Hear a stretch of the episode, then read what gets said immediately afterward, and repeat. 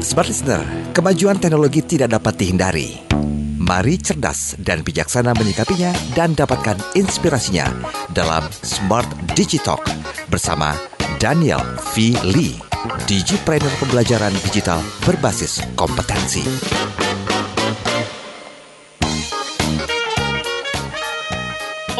Kita semua pastinya sadar ya, percepatan digital dan juga transformasi digital saat ini sangat memudahkan um, informasi begitu cepat kita dapatkan ya segala sesuatu Anda bisa cari dengan um, dengan satu ketikan saja gitu ya. Tapi apakah Anda bisa uh, adaptif ya untuk uh, kecepatan dan juga pastinya kemudahan ini? Itu yang mungkin akan kita bahas malam hari ini. Selamat malam untuk Anda yang sudah uh, standby mendengarkan dan juga menyimak perbincangan kami malam hari ini. Kembali saya Audrey Joana hadir menemani Anda bersama dengan Bro Daniel kesayangan kita semua. Selamat malam Bro Daniel. Selamat malam Audrey. Selamat malam semua semua listener, semua yang juga live dengan kita streaming di YouTube ya. Aha. Ya, dan juga teman-teman yang hadir di dalam Instagram live saya. Selamat malam semuanya. Salam sehat. Salam sehat. Nah, Oke. Malam ini ya kita bulan Juli. Kita udah, udah pertengahan tahun. ya. Iya. Kita pertengahan tahun nih. Oke. Nah, ini eh, topik kita hari ini sangat menarik ya, adaptive or die. Ini kalau lihat judulnya kok serem banget nih bawa Iya. die gitu ya. Tapi sebenarnya eh, apa sih yang dimaksud dari adaptive and die, die seperti apa mungkin yang Bro Daniel ingin sampaikan hari ini? Silakan Bro Daniel. Iya, selamat malam ya Audrey, selamat malam semuanya bahwa tema hari ini memang menarik gitu ya. Saya kasih sebuah punchline, Mhm. punchline bahwa kalau kamu nggak beradaptasi, ya kamu akan mati seperti itu. Kan kalau dulu kita ingat cerita kenapa dinosaurus dan sebagainya sudah hilang gitu ya. Iya. Karena simpel, nggak bisa beradaptasi gitu kan. Lalu dikatakan kecoa bisa beradaptasi sampai sekarang dia masih hidup artinya dia bisa survive seperti itu kan nah eh, ini kalimat yang memang sangat menarik gitu ya Eh, apalagi di era eh, industrial 4.0 yang kita gadang-gadang bahwa memang itu membawa begitu banyak perubahan Mhm. tapi ternyata kenapa banyak sekali orang-orang malah tidak berhasil gitu. Malah tertinggal gitu kan ya. Malah kalau kita lihat bahwa banyak sekali yang berdampak kepada uh, bisnis. Sekarang kalau kita bicara tentang pandemi yang mempercepat uh, implementasi teknologi jadi sebenarnya pandemi ini tidak mempercepat teknologi karena teknologinya sendiri udah ada di tengah-tengah kita. Nah, kita bicara khususnya untuk di Indonesia gitu ya sedangkan eh, pengadaptasian atau mengimplementasikan itu sendiri di Indonesia itu di era pandemi ini sangat sangat berasa sekali Audrey. Ya. Nah kalau kita lihat banyak teman-teman eh, di industri misalnya, kemudian saya lihat beberapa sekolah atau university gitu ya, kemudian beberapa organisasi-organisasi besar ataupun perusahaan-perusahahan ada yang cepat sekali beradaptasi. Sa- sepertinya eh, ada di atas gitu. Tapi ada yang ragu-ragu. Tapi ada yang sekali tidak beradaptasi gitu. Nah, ketika dia tidak beradaptasi, lama-lama karena dia ingin beradaptasi lebih maju, dia akan ketinggalan jauh di belakang. Nah, itu kita bicara percepatan. Ketika kita bicara percepatan, kalau kita tidak cepat, ya kita akan ketinggalan di belakang. Apalagi kalau kita tidak bergerak. Artinya kita beradaptasi gitu kan, makin gak kelihatan kita. Nah, itu yang saya maksud dengan ya you will die one day, ya you akan mati gitu loh, seperti itu. Itu di apa aja, di industri, di sekolah, di organisasi ataupun di perusahaan seperti itu. Itu Audrey. Oke, jadi uh, die-nya bukan uh, physically gitu ya, tapi juga itu uh, apa ya, sesuatu yang cukup menak uh, harus kita takutkan kalau misalnya kita nggak bisa beradaptasi. Kalau kita situ. bicara physically, bu- mungkin ya, mungkin. Oke, Mungkin akan berdampak ke, karena gini, setiap organisasi, setiap uh, sekolah, setiap institusi, setiap industri kan melibatkan sumber daya manusia di dalamnya. oke, kayak gitu ya kan. Nah kalau kita tidak bisa beradaptasi, kemungkinan besar physically ya kita akan mati, kayak gitu ya kan. Kenapa? Karena kita tidak bisa survive gitu loh. Makanya dibilangnya adalah die gitu ya. Atau misalnya sebelum kita die beneran, ya kita dying gitu ya, sekarat gitu kan. Ya. Ini menarik ya, dan tadi juga kita sempat buka polling nih Bro Daniel di Oh. Instagram ya. Apakah uh, smart listeners yang mungkin juga followersnya smart listeners uh, ini merasa sudah cukup adaptif atau mungkin masih kurang adaptif. Nanti kita akan bahas nih Bro Daniel hasil yes. pollingnya ya. Dan okay. untuk Anda small listeners yang mungkin ingin juga uh, ikutan ya vote kira-kira Anda cukup adaptif atau Anda masih kurang adaptif nih di situasi percepatan digital ini, silakan Anda bisa kirimkan komentar atau mungkin alasannya kenapa Anda bilang anda cukup adaptif atau belum ya, Anda bisa kirimkan di 0812 11 12 959 atau pergunakan uh, live chat YouTube kami karena kami sedang uh, streaming di channel YouTube Radio Smart FM atau bisa ke Instagram Bro Daniel seperti biasa di @danielvalley. Setelah ini kita akan lanjut mengenai adaptif or die. Setelah yang satu ini, smart listeners tetaplah dalam Smart Digital. Tetaplah bersama kami, Smart Digital bersama Daniel Fili.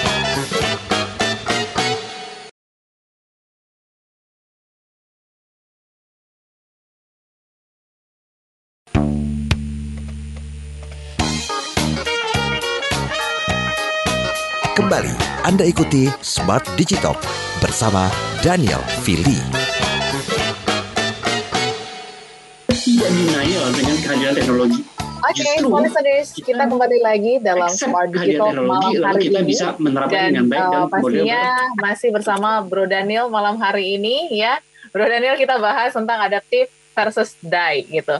Tadi uh, sudah diangkat juga di sosial media kita um, faktanya ya dari followers-followers Radio Smart FM ya, ini mengatakan bahwa mereka cukup adaptif sebesar 67% dan kurang adaptif ini sebanyak 33%. Nah, mungkin hmm, Bro Daniel boleh kasih pandangan dulu nih Bro Daniel, silakan. Ya, buat teman-teman yang sudah merah, memang dari survei tersebut ya dengan angka yang 67 berarti arti saya akan lihat kenapa yang 37% tadi mm -hmm. itu mereka tidak melakukan gitu. Kenapa? Karena saya menyoroti gini, buat mereka yang beradaptasi berarti mereka menyadari. Ketika kita bicara menyadari, saya sering menyampaikan dengan 3A, 3A ya saya. Berarti dia accept gitu loh, bahwa hadirnya teknologi itu akan menjadi teman. Jadi dirangkul sebagai teman, dirangkul sebagai sahabat untuk membantu mereka untuk memproses sebuah automation, mempercepat proses dan lain sebagainya. Itu good gitu. Nah, tapi sedangkan 37 persen 37 persen itu besar loh Audrey. Ya. 37 37 persen itu besar. Kenapa? Karena kita perlu lihat juga apakah 37 persen ini memang mereka related pelaksanaan mereka dengan teknologi. Contoh kalau kita bicara industrial, UMKM gitu ya. Contoh kita bicara tentang uh, beberapa uh, apa usaha ataupun kalau kita bicara dengan sekolah gitu ya. Karena saya melihat ini kan lagi musim sekolah liburan nih kayak gitu. Yeah. mesti evaluasi. Kemarin saya ngobrol dengan beberapa teman yang bilang aduh saya bingung nih mau sekolahin anak-anak gitu ya. Kenapa? Karena masih pandemi. Sekolahnya masih online. Bayar uang sekolah masih sama. Berarti kan ada sebuah ekspektasi dari orang tua terhadap murid anak-anaknya gitu. Bahwa ketika mereka bayar sekolah itu harus berubah harus melayani proses pembelajaran yang memang sesuai yaitu secara virtual gitu. Nah hmm. sedang mereka tidak merasakan Nah, itu kan satu contoh bahwa mereka tidak melakukan sebuah adaptasi. Ya kan? Kenapa? Karena menunggu. Apalagi uh, Mas Mas Mas Menteri udah menyampaikan bulan Juli nanti kita bisa tatap muka. Nah, ya. itu mungkin membuat orang menunda akhirnya tidak melakukan apa-apa gitu ya. Sedangkan kalau kita bicara pendidikan di Indonesia sendiri, kita pun caranya udah ketinggalan gitu harusnya dengan masa pandemi ini dengan implementasi teknologi dengan hadir digital itu akan membantu kita kalau kita menyadari dan kita beradaptasi kurang lebih seperti Audrey. Nanti kita kalau bisa punya data pilah yang 37 itu industrinya apa aja sih di bidang apa aja mungkin akan membantu kita untuk melihat satu persatu. Jangan-jangan memang ada yang memang dia nggak perlu beradaptasi. Oke. Okay. Kan misalnya, ya. misalnya toko kue Oke. Okay. Istilahnya memang industri rumahan. Mm-hmm. Tapi itu pun kalau memang pemiliknya ingin membesarkan. Kalau dia ingin membesarkan berarti dia mau nggak mau harus jualan online. Yeah. Ya, karena kalau buka toko lagi, kemudian buka apa ruko lagi dan sebagainya gitu kan, itu kan berarti another cost. Sedangkan online udah bisa dilakukan. Sekarang banyak sekali selama pandemi toko-toko online atau ibu-ibu yang jualan dari rumah seperti itu dan itu bisa jalan karena memanfaatkan teknologi. Contoh paling gampang WhatsApp group. Okay. Instagram seperti itu kan bisa Audrey. Nah itu salah satu bahwa mereka melakukan adaptasi seperti itu. Mm-hmm. Oke, okay. dan masa pandemi COVID-19 ini kita kita apa ya? Kita yakini Bro Daniel ini kan jadi apa ya? faktor yang mendorong kita sangat keras ya untuk bisa maksa kita untuk adaptasi nih di situasi yang uh, memang tidak apa uh, mengurangi ya intensitas kita untuk bertemu sehingga kita lebih sering bertemu di dunia digital gitu ya. Nah, Betul. ini apakah uh, ada apa ya sesuatu yang mungkin akan berefek gitu uh, ke belakangnya di Bro Daniel karena kita terpush uh, untuk beradaptasi di situasi yang mungkin memaksa kita untuk harus bisa beradaptasi di situasi seperti ini. Sebenarnya Audrey Marisner ketika kita bicara tentang adaptation atau beradaptasi sebenarnya itu adalah ciri bahwa kita adalah makhluk hidup. Oke. Okay itu ciri kita makhluk hidup gitu. Contoh pertama kali Audrey uh, dari apa dari Sumatera kemudian pindah ke Jakarta lalu dapat magang di Smart FM sebelum menjadi pegawai gitu kan. Ya, itu kan proses hmm. adaptasi. Ya. Ya kan. Coba kalau Audrey nggak mau adaptasi gitu kan. Hmm. Dengan gayanya yang misalnya dari Sumatera seperti itu dengan cara kerja waktu sebagai mahasiswa. Ya Audrey akan tersingkirkan itu maksudnya die tapi ketika beradaptasi, pasti Audrey punya sebuah keinginan, sebuah tujuan, sebuah mimpi untuk berhasil menjadi seorang penyiar di Smart FM. Makanya ber beradaptasi seperti itu kan. Nah, ketika kita punya keinginan, nah itu kan sifat kemanusiaan kita. Gitu, bahwa kita ingin berhasil, ingin di satu tempat kita diakuin, ingin di satu tempat kita membuatkan sebuah karya. Berarti kita harus beradaptasi seperti itu. Nah, ketika kita tidak beradaptasi, itu sebenarnya sifat kemanusiaan kita hilang. Sifat ya. kemanusiaan kita hilang, sifat makhluk itu kita hilang. Contoh, contoh ya, uh, di Indonesia kan punya beberapa jenis anjing yang harusnya anjing di kutub, gitu. Okay. Tapi ternyata di, di iklim Indonesia tropis gitu ya, mereka bisa hidup. Walau beberapa dari mereka dibantu dengan AC. Tapi kalau kita bicara AC kan tidak bisa sedingin di kutub seperti itu. Benar. Kita bisa survive juga. Kenapa? Karena beradaptasi seperti itu. Ya kan, nah kita lihat juga beberapa contoh. Kemarin saya lihat beberapa tanaman. Kaktus pun uh-huh. ditanam di pegu apa di gurun pasir gitu yang kurang air itu ternyata kaktus bisa ditanam loh. Di bawahnya penuh dengan air. Itu artinya apa? Beradaptasi. Proses ya memang ketika kita bicara beradaptasi bukan satu proses semalam gitu loh tapi sebuah proses. Sebuah uji coba akhirnya bisa diadaptasi seperti itu. Nah, memang kalau kita bicara makhluk hidup, tidak semua hasil adaptasi itu berhasil. Okay. Tapi kemungkinan besarnya itu berhasil. Jadi sifat kemanusiaan kita, Audrey. Jadi kalau kita melihat seperti itu, ya mau nggak mau kita harus mengembalikan, oh iya, yeah, saya harusnya bisa menyesuaikan diri. Ya bahasa Indonesia dari beradaptasi itu bisa menyesuaikan diri, bisa mengikuti kebutuhan-kebutuhan kita sesuai dengan perkembangan zaman. Nah pada malam hari ini kita bicara tentang teknologi. Bagaimana setiap hari setiap apa yang kita lakukan itu udah dealing dengan teknologi seperti itu. Yes, oke. Okay. Jadi balik lagi ke um, yang sering disebutkan Bro Daniel ya, awareness ya, kesadaran oh. diri untuk mau menyesuaikan diri gitu ya, fit ya. in uh, dengan situasi yang mungkin terus bergerak gitu. Nah, kalau kita lihat juga kondisi Indonesia Bro Daniel seperti yang Bro Daniel sebutkan tadi sebelumnya ya, industri 4.0. Hmm. Ini kan ya. lagi heboh-hebohnya diperbincangkan revolusi ya. industri 4.0. Ya. Uh, pemerintah juga gencar nih, terlebih kan ada bonus demografi juga nih di Indonesia. Ya kalau kita berkaca sama negara-negara um, lain mungkin sudah melewati fase ini gitu ya Bro Daniel. Apakah ya.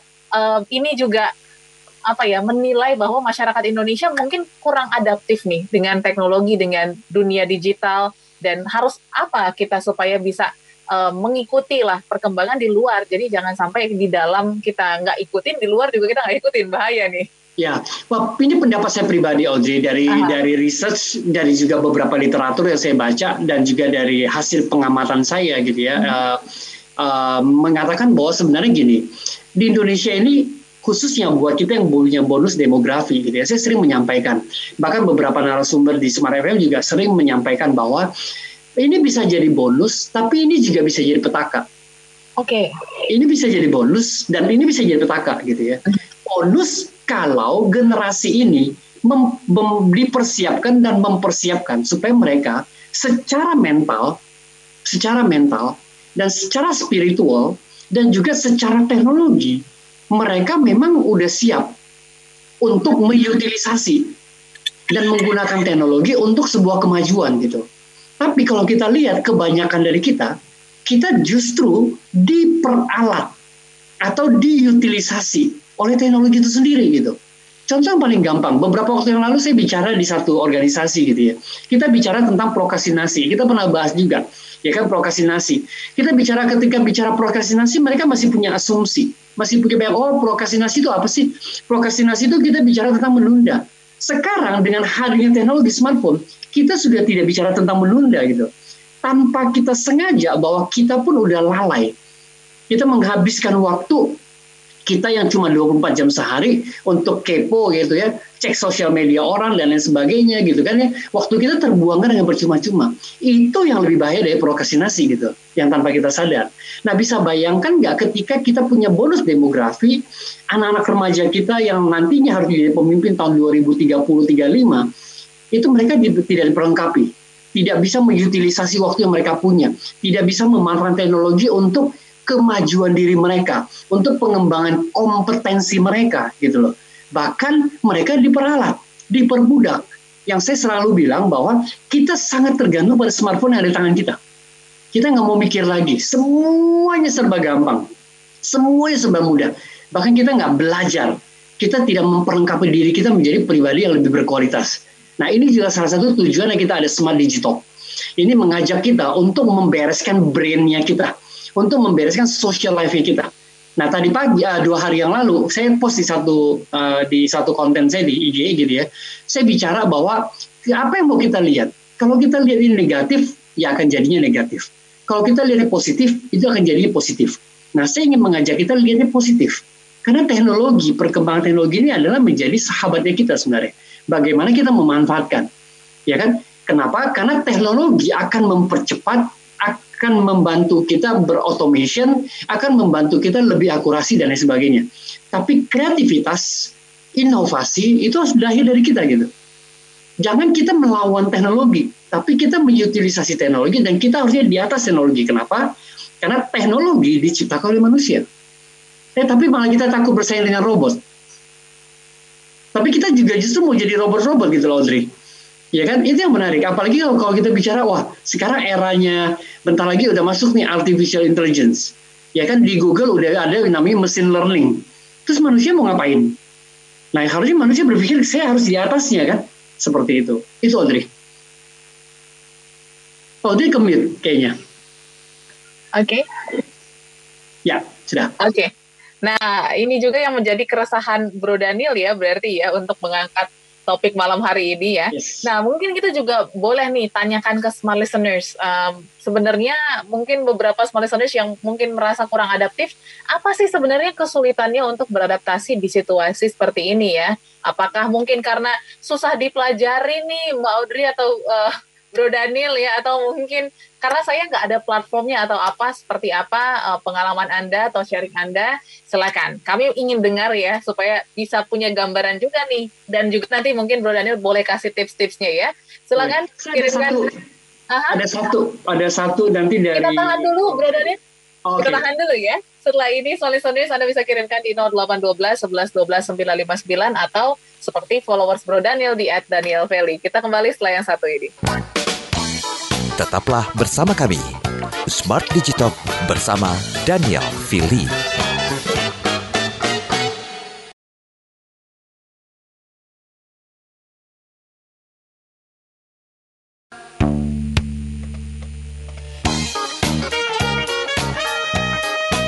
Kembali Anda ikuti Smart Digital bersama Daniel Fili.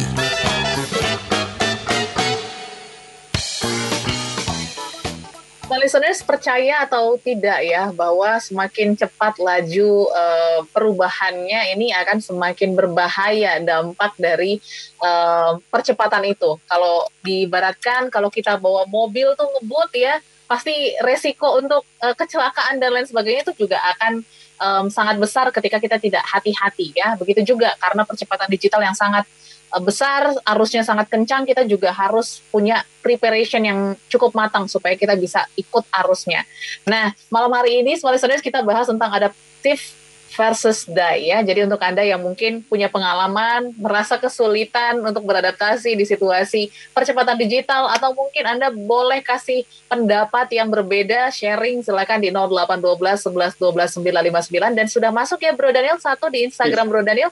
Mungkin boleh kita baca dulu silakan. Oke, okay, thank you Audrey Smaisner semuanya. Ini ada satu rekan dan saya kenal sangat baik juga ya, Bro Thomas Kristo. Okay. Uh, beliau adalah kepala sekolah SM, uh, SMK Penabur Tangerang. Uh-huh. Ya, nah beberapa waktu lalu saya saya ikuti Instagramnya dia, dia juga bikin sebuah video yang menunjukkan bahwa sekolah ini saya tidak promosi, gitu ya. saya tidak promosi okay. karena ini real. Sekolah ini memang udah melakukan banyak perubahan ketika pandemi. Nah beliau mengatakan bahwa benar banget pandemi sangat uh, pandemi saat ini membuat pendidikan one step ke depan. Beliau mengatakan, nah kalau mau memanfaatkan pandemi ini dengan teknologi, jadi pendidikan akan maju satu step ke depan. Mm-hmm. Kalau kita manfaatkan di teknologi ini selama pandemi, jadi kita anggap bahwa pandemi ini adalah sebuah environment yang diciptakan buat kita untuk survive dan kita melakukan sesuatu yang baru. Oke. Okay. Kita tidak melakukan, berarti kita akan tenggelam. Tapi kalau kita melakukan bahwa kita akan lebih maju seperti itu. Nah itu dikatakan. Dan untuk ke depannya pasti adaptasi ini akan tetap berkelanjutan. Nah itu pendapat dari beliau sebagai kepala sekolah. Nah waktu beliau menyampaikan waktu uh, apa uh, video di Instagram beliau, beliau mengatakan bahwa uh, di sekolah kami sebelumnya kita lakukan ini. Tapi setelah kita lakukan virtual online, banyak sekali perubahan-perubahan.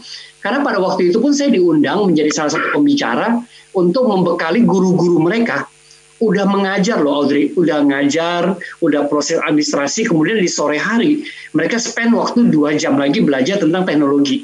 Bagaimana hmm. membuat materi, mengoperasikan tools-tools yang ada di multimedia dan lain sebagainya. Itu tujuannya apa? Tujuannya supaya mereka bisa melakukan proses belajar mengajar secara virtual. Oke. Okay. Nah, itu satu pengorbanan. Jadi ketika kita bicara kalau kita mau beradaptasi, mau menyesuaikan diri, harus ada pengorbanan. Nah, apa? Seperti contoh saya dengan Audrey tadi waktu mau masuk Smart FM. Karena punya tujuan yang jelas, ingin berhasil, ingin menghasilkan sebuah karya, ingin proses pendidikan ini bisa berjalan dengan baik dan bahkan lebih baik dari yang sebelumnya. Itu Audrey. Mhm. Oke. Okay. Nah, yang menarik tadi Bro Daniel katakan gitu ya, sebelum kita mungkin bisa fit in di dalam situasi yang baru gitu ya, perubahan yang mungkin sangat masif ini kan dibutuhkan proses adaptasi gitu ya. Tapi mungkin ini correct me if I'm wrong gitu Bro Daniel. Mungkin banyak dari kita yang gugur dalam masa proses itu. Apakah itu benar atau mungkin um, kurang tepat nih Bro Daniel? Sebenarnya bukan masalah tepat atau enggak Audrey. Okay. Ada presentasi yang seperti Audrey sebutkan. Mm-hmm. Ada presentasi yang seperti Audrey sebutkan. Tetapi yang lebih menyedihkan Audrey, mm-hmm. gugur sebelum mereka melakukan apa-apa. Oke, okay. ini yang bahaya. Tidak mau melakukan apa-apa gitu. Ya, uh-huh. ya kan? Karena mereka tidak mau melakukan apa. Yang mereka lakukan apa? Mengeluh, okay. mengeluh dan mengeluh. Nah, ini contoh menarik Audrey. Saya harus sampaikan kepada semua listener, termasuk juga yang ada di uh, Instagram ataupun yang mm-hmm. pada malam hari itu sama-sama dengan kita di YouTube gitu ya. Saya mulai dari entity yang paling kecil, keluarga. Okay. Yeah. Saya juga pasang di konten di uh, Instagram saya mengatakan bahwa dan kemarin ada satu orang uh, bicara dengan saya gini, Pak, uh, gimana ya menurut Bapak? Anak sekarang sekolah mahal, tapi tetap online. Kayak gitu kan? Terus saya dapat apa-apa, dia bilang kayak gitu. Nah ini mulai yang kecil keluarga. Terus saya bilang, Pak, saya bilang bro, karena seumuran ya saya bilang bro, uh, yang sekolah tuh anak kita. Justru ketika mereka mengalami pandemi, waktu kita lebih banyak kepada anak-anak kita gitu. Jadi kita tahu juga proses belajar mengajar kita itu proses belajar anak kita seperti apa. Proses mengajar guru seperti apa. Ya kan? Nah, sekolah sudah melakukan fungsinya mereka. Ya kan? Pasti ada kekurangan, pasti ada. Karena ini sebuah pandemi gitu. Tetapi yang harus kita perhatikan siapa? Anak kita. Nah, kalau kita udah tahu anak kita, yuk kita ciptakan. Jadi saya mengatakan kalimat gini, kita ciptakan environment di lingkungan kita supaya anak kita tetap mendapatkan kebutuhan pendidikannya. Ya. Salah satunya ada pendidikan karakter. Lalu dia mengatakan susah bro. Kenapa anak sebaya mereka gitu? Mereka nggak ketemu. Lalu mereka bisa berjalan, bergaul dan sebagainya. Oh enggak. Saya kasih contoh. Anak saya sebulan sekali. Saya minta ketemu sama beberapa teman-teman sekolahnya. Mereka main. Oke. Okay. Tapi keseharian mereka, sekolah mereka itu membuat yang namanya uh, apa? Kayak lunch gathering setiap hari Jumat. Mm-hmm. Gitu. Jadi mereka bisa diskus apa aja gitu ya kan? Nah lalu kemudian saya punya kegiatan yang hampir ketika liburan bisa atau weekend gitu ya, kita bawa keluar mereka untuk exercise. Jadi mereka tidak tergantung gadget. Nah kembali lagi, karena banyak orang tua membiarkan anak-anak mereka dealing dengan gadgetnya mereka, sehingga waktu sosialnya mereka mereka udah terbatas seperti itu. Jadi ketika kita keluar rumah, kita membiarkan anak kita di rumah contohnya. Kenapa? Karena mereka asik dengan gadget mereka. Sehingga penciptaan karakter uh, hidup sosial mereka enggak. Nah itu tugasnya orang tua untuk menciptakan hidup sosial tadi Audrey dan okay. harusnya bisa bahkan lebih bagus kalau menurut saya. Nah hal ini memang sulit untuk diterima oleh kebanyakan orang tua karena ya. jadi pilihan tambahan. Kalau saya simpel mikirnya sih. Aha. Instagram saya di caption saya mengatakan itu anak kita bukan anak orang lain dan anak kita kita yang bertanggung jawab apalagi masa depan mereka kita yang menyiapkan masa depan anak kita, bukan orang lain. Itu Audrey. Ya, yes, karena kalau bukan dari sekarang ya, kapan lagi ya Bro Daniel ya? Nanti kalau udah terlanjur terbentuk sebuah karakter itu akan lebih sulit lagi ya mengubahnya dan juga mengajarkannya. Ya. Oke. Okay. Nah, uh, berbicara lagi tentang uh, adaptasi gitu ya. Ini di situasi pandemi banyak juga nih kita mungkin dari sektor bisnisnya dulu nih Bro Daniel ya. Yes. Uh, banyak juga nih pebisnis yang mungkin beralih ke dunia digital dan lain sebagainya. Kalau misalnya kita lihat tuh misalnya salah satunya salah satunya aku pernah dengar cerita dari Mas Harmoni nih ya dari oh, Smart Character. Yes. Uh, uh, ada se sebuah wedding organizer yang memang uh, karena pandemi gitu ya nggak bisa beroperasi terus akhirnya dia mengusulkan untuk wedding secara virtual. Nah ini kan uh, harus bisa beradaptasi tapi dengan apa ya kreatif. Nah ini gimana nih komponen kreatif ini bisa kita padu padankan dengan adaptasi ini, Bro Daniel? Itu sangat tepat, Audrey. Itu sangat tepat. Jadi ketika kita accept dan kita mulai melakukan adaptasi, itu ada proses kreativitas. Okay. Ada proses inovasi. Ada proses menciptakan hal-hal baru. Itulah yang saya sebut tadi bahwa diri kita sebagai makhluk hidup, sebagai manusia, kreativitas itu nggak akan bisa hilang, nggak bisa akan dia ambil seperti itu. Kalau kita menghadapi sebuah perubahan, tapi kalau kita tidak pernah menghadapi perubahan atau tantangan dari luar, otak itu tuh nggak bekerja sebenarnya jadi ketika ada challenge sebenarnya manusia itu itu luar biasa banget. Itu saya belajar langsung dari Gordon Ramsay sebenarnya.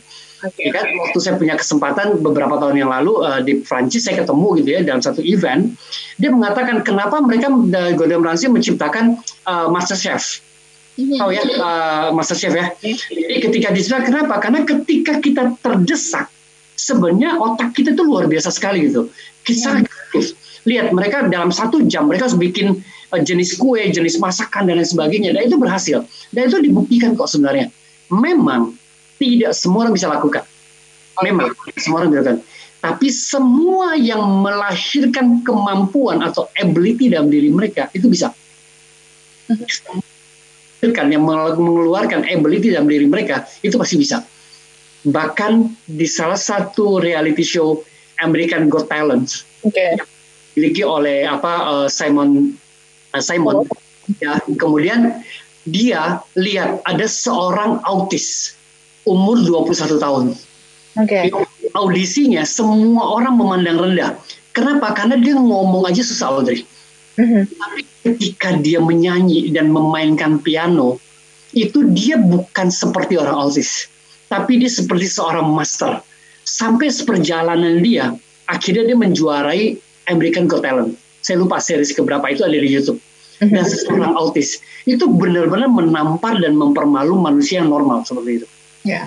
Berkat apa? Berkat seorang ibu yang mau beradaptasi dengan anaknya dan mengajak anaknya untuk beradaptasi dengan lingkungan sehingga timbullah sebuah kreativitas karena dia lihat anaknya suka menyanyi lalu dia dukung sampai akhir bisa menyanyi.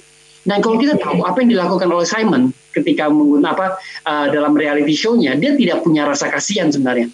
Mm-hmm. Benar talent. Yeah. Jadi anak-anak ini benar-benar talent luar biasa sekali. Nah itu artinya apa? Artinya sebenarnya bisa kalau kita mau lakukan. Itu Audrey. Mm-hmm. Yes, kreativitas ya. Jadi ini uh, harus ada di dalamnya. Aha, benar-benar dan juga pastinya seperti yang Bro Daniel sebutkan tadi ya bahwa proses adaptasi ini benar-benar diajarkan sejak, sejak dini ya oleh yes. para orang tua sehingga anak-anak juga bisa um, apa ya punya ritmenya sendiri ketika masih kecil Betul. sampai dengan dewasa ya. Sebenarnya Audrey, Maris saya mau nambahin satu hal. Oke. Okay. Semakin sulit yang kita hadapi dalam hidup ini, uh-huh. harusnya membuat kita semakin kreatif. Oke. Okay. Semakin sulit. Kenapa? Karena semakin banyak tantangan yang kita hadapi. Kita mengajak otak kita tuh bekerja dengan maksimal. Saya kasih contoh paling gampang deh. Sekarang Audrey kan uh, di studio ya. Nanti mau pulang nih Misalnya hujan lebat. Oke. Okay. Hujan lebat sekali nih, terus kemudian banjir, nggak bisa pulang Audrey. Audrey mulai mikir kan, gimana caranya saya pulang? Ya. Segala macam cara pikirkan dong, dicari caranya kan. Karena itu tantangan jadinya. Kan nggak udah, ya udahlah saya tinggal di Smart FM aja deh, kayak gitu. Atau saya nggak pulang kan nggak, seperti itu. Karena harus pulang kan. Mhm. Kecuali opsinya adalah, oke, okay, sangat berbahaya dan tidak dilakukan. Jadi itu pun oke okay, kita udah temu dengan segala macam caranya nih. Akhirnya kita putuskan seperti itu. Nah di situlah kreatif saya keluar kan. Oh ya nanti kalau gitu saya jalan aja deh. Atau saya naik kendaraan misalnya bus atau naik truk dan lain sebagainya. Lalu ya. teman-teman dari Smart membantu. Nah itu kan keluar tuh ide-ide saling membantu. Terciptalah satu hal yang baru kan. Okay. Nah itu jadi tantangan. Jadi ketika kita mau beradaptasi itu beda. Tapi beda kan kalau dia bilang, aduh hujan, banjir semuanya, mengeluh terus nggak keluar tuh. nggak ketemu jalan keluarnya ya. Nggak ketemu jalan keluarnya karena ya. mengeluh, mengeluh, mengeluh terus gitu. Ya. Nah, itu di sisi yang lain. Jadi ketika kita bicara adaptasi, kita tidak melihat sesuatu yang negatif, tapi melihat sesuatu yang positif. Ketika kita melihat sesuatu yang positif, di situ ada proses kreativitas dan inovasi keluar. Okay. Makanya orang bilang harus senang. Ya. Nah, orang positif pasti senang. Orang ya. negatif nggak akan senang, Audrey. Keluh terus ya. Oke, nanti kita akan lanjutkan untuk satu sesi terakhir ya Bro Daniel ya. Dan yes. juga kita akan bacakan beberapa uh, mungkin pengalaman listeners yang sudah masuk dan nanti kita juga tanya kira-kira tips dari Bro Daniel supaya kita bisa sukses adaptasi di situasi yang mungkin kita nggak tahu ke depannya ya. arusnya ya, seperti apa. Yes, setelah ini listeners tetaplah bersama ya. kami dalam Smart Digital. Thank you. Tetaplah bersama kami. Smart Digital bersama Daniel Fili.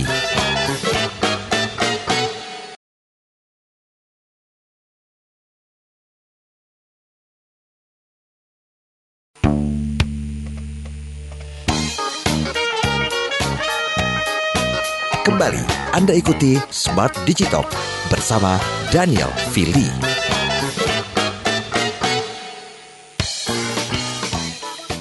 listeners, dalam topik kita malam hari ini adaptif or die. Kalau disuruh pilih ya pastinya kita pilih adaptif lah ya, walaupun sulit. Sepertinya harus dicoba deh daripada pilih yang die kayaknya aduh, jangan deh ya. Kita harapkan juga semua listeners dari perbincangan kami semoga anda bisa terbuka pikirannya untuk bisa lebih adaptif atau beradaptasi lagi dengan situasi yang sekarang ini memaksa kita untuk bisa terjun ya ke dunia digital.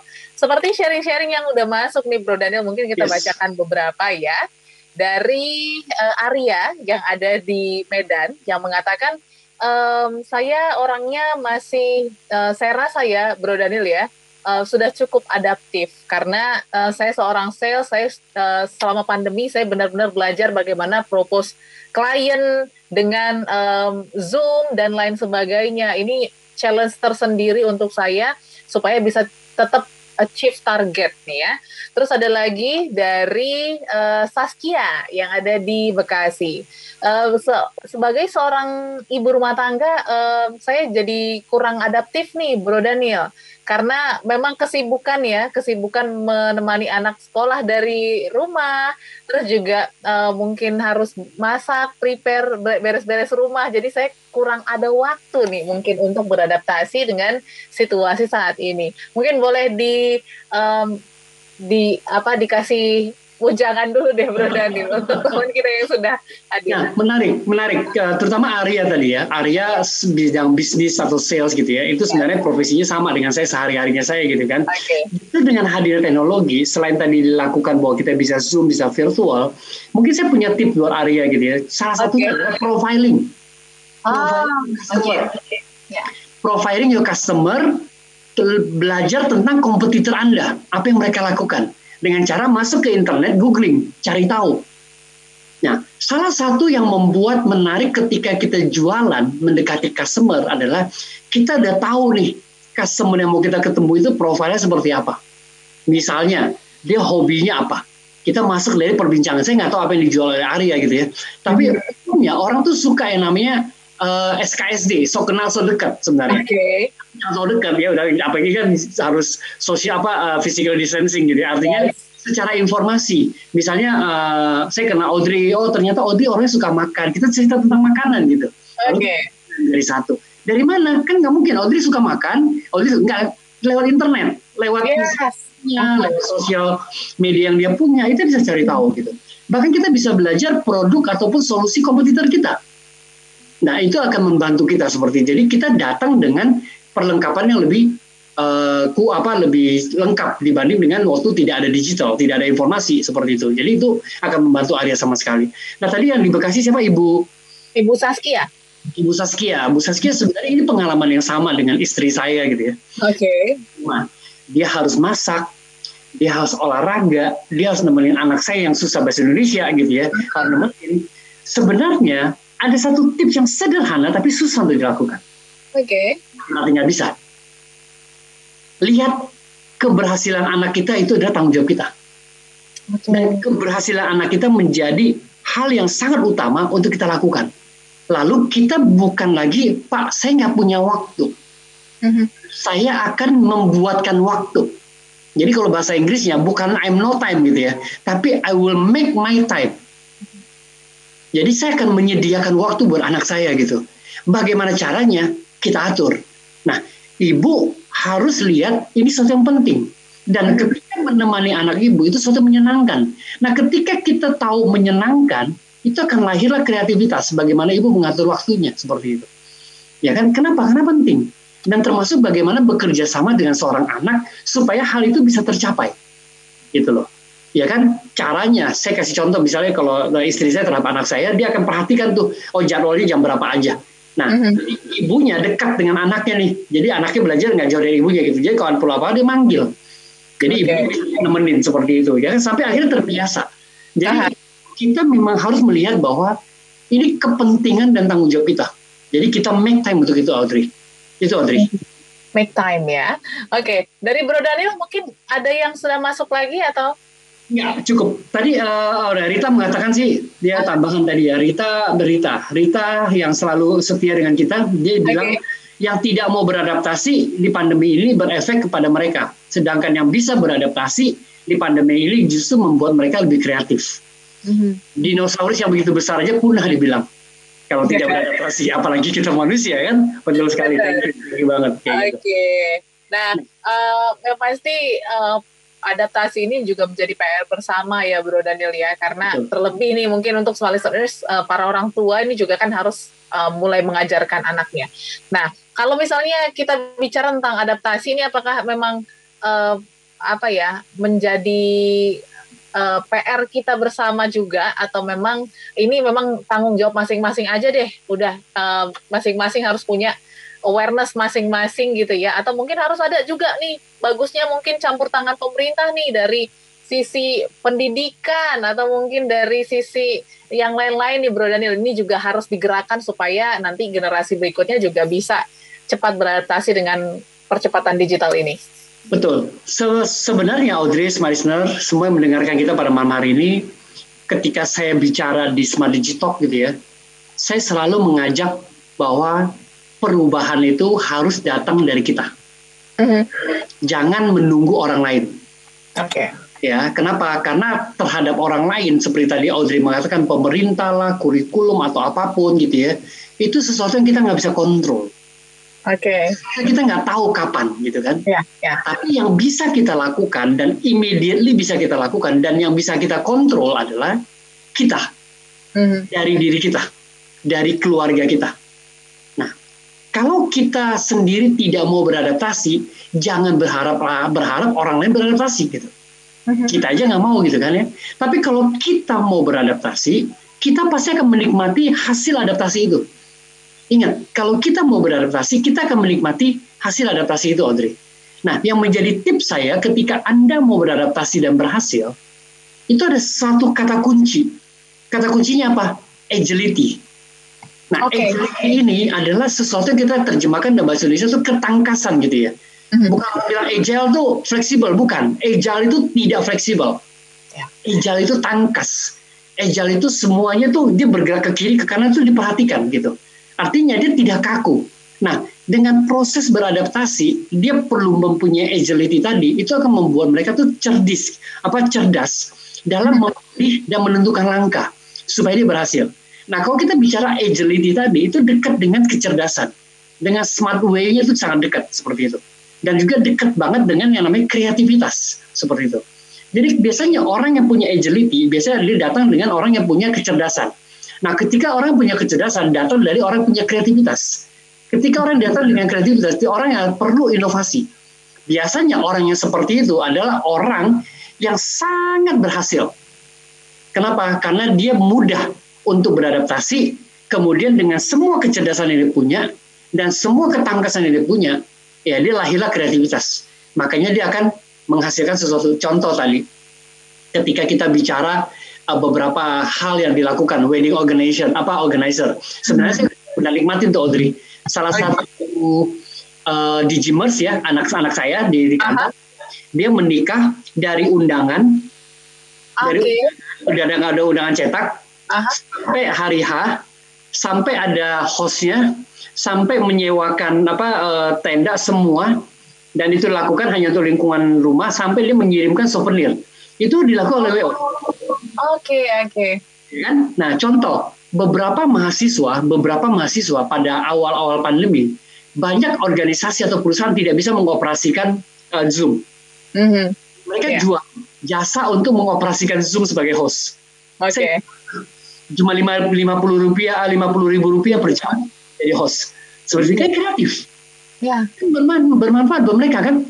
Jadi justru buat sebagian orang yang melihat secara positif itu jadi berkah, Audrey.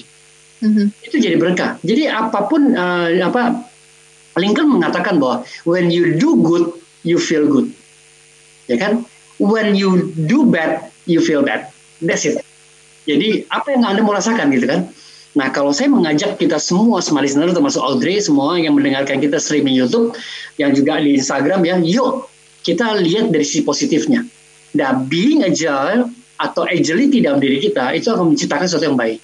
Jadi mulai hari ini, yuk menjadi pribadi yang lebih agile dan lebih beradaptasi supaya kita berhasil dan kita menghasilkan karya. Kenapa? Karena itu sebenarnya jati diri kita sebagai manusia yang harus bisa beradaptasi. Itu Audrey. Oke, okay. kalau Anda sekarang small listeners dalam proses adaptasi ya lagi berdarah-darah banget nih ya untuk beradaptasi gitu ya, belajar mungkin online, digital marketing dan lain sebagainya, tenang aja trust the process nanti hasilnya akan kelihatan beberapa waktu ke depan kok ya. Seperti yang kata Bro Daniel tadi kata ya. bagus tuh. Trust the process. Trust the process. Nah ini dia ujung perbincangan kita Bro Daniel karena sudah jam uh, 8 eh 9 ya Uh, ya. Pastinya nggak kerasa perbincangan kita semoga bisa bermanfaat untuk smart listeners dan juga bisa lebih adaptif lagi ya di situasi yang cukup uh, meresahkan lah ya kalau bisa dibilang gitu ya. Terima kasih untuk Bro Daniel. Uh, semoga sehat selalu. Kita jumpa minggu depan Amin. dalam Smart Digital dan terima kasih juga smart listeners yang sudah berpartisipasi baik followers Bro Daniel juga terima kasih dan kita jumpa minggu depan dalam Smart Digital setiap Jumat dari jam 8 sampai dengan jam 9 malam. Kami pamit Smart Listeners, saya Audrey Joana. Saya Daniel Feli, Smart Digital, Digital membangun, manusia sosial, cerdas, berkualitas. Bye-bye, thank you. Anda baru saja mengikuti Smart Digital, inspirasi untuk cerdas dan bijaksana menyikapi kemajuan teknologi. Terima kasih dan sampai jumpa.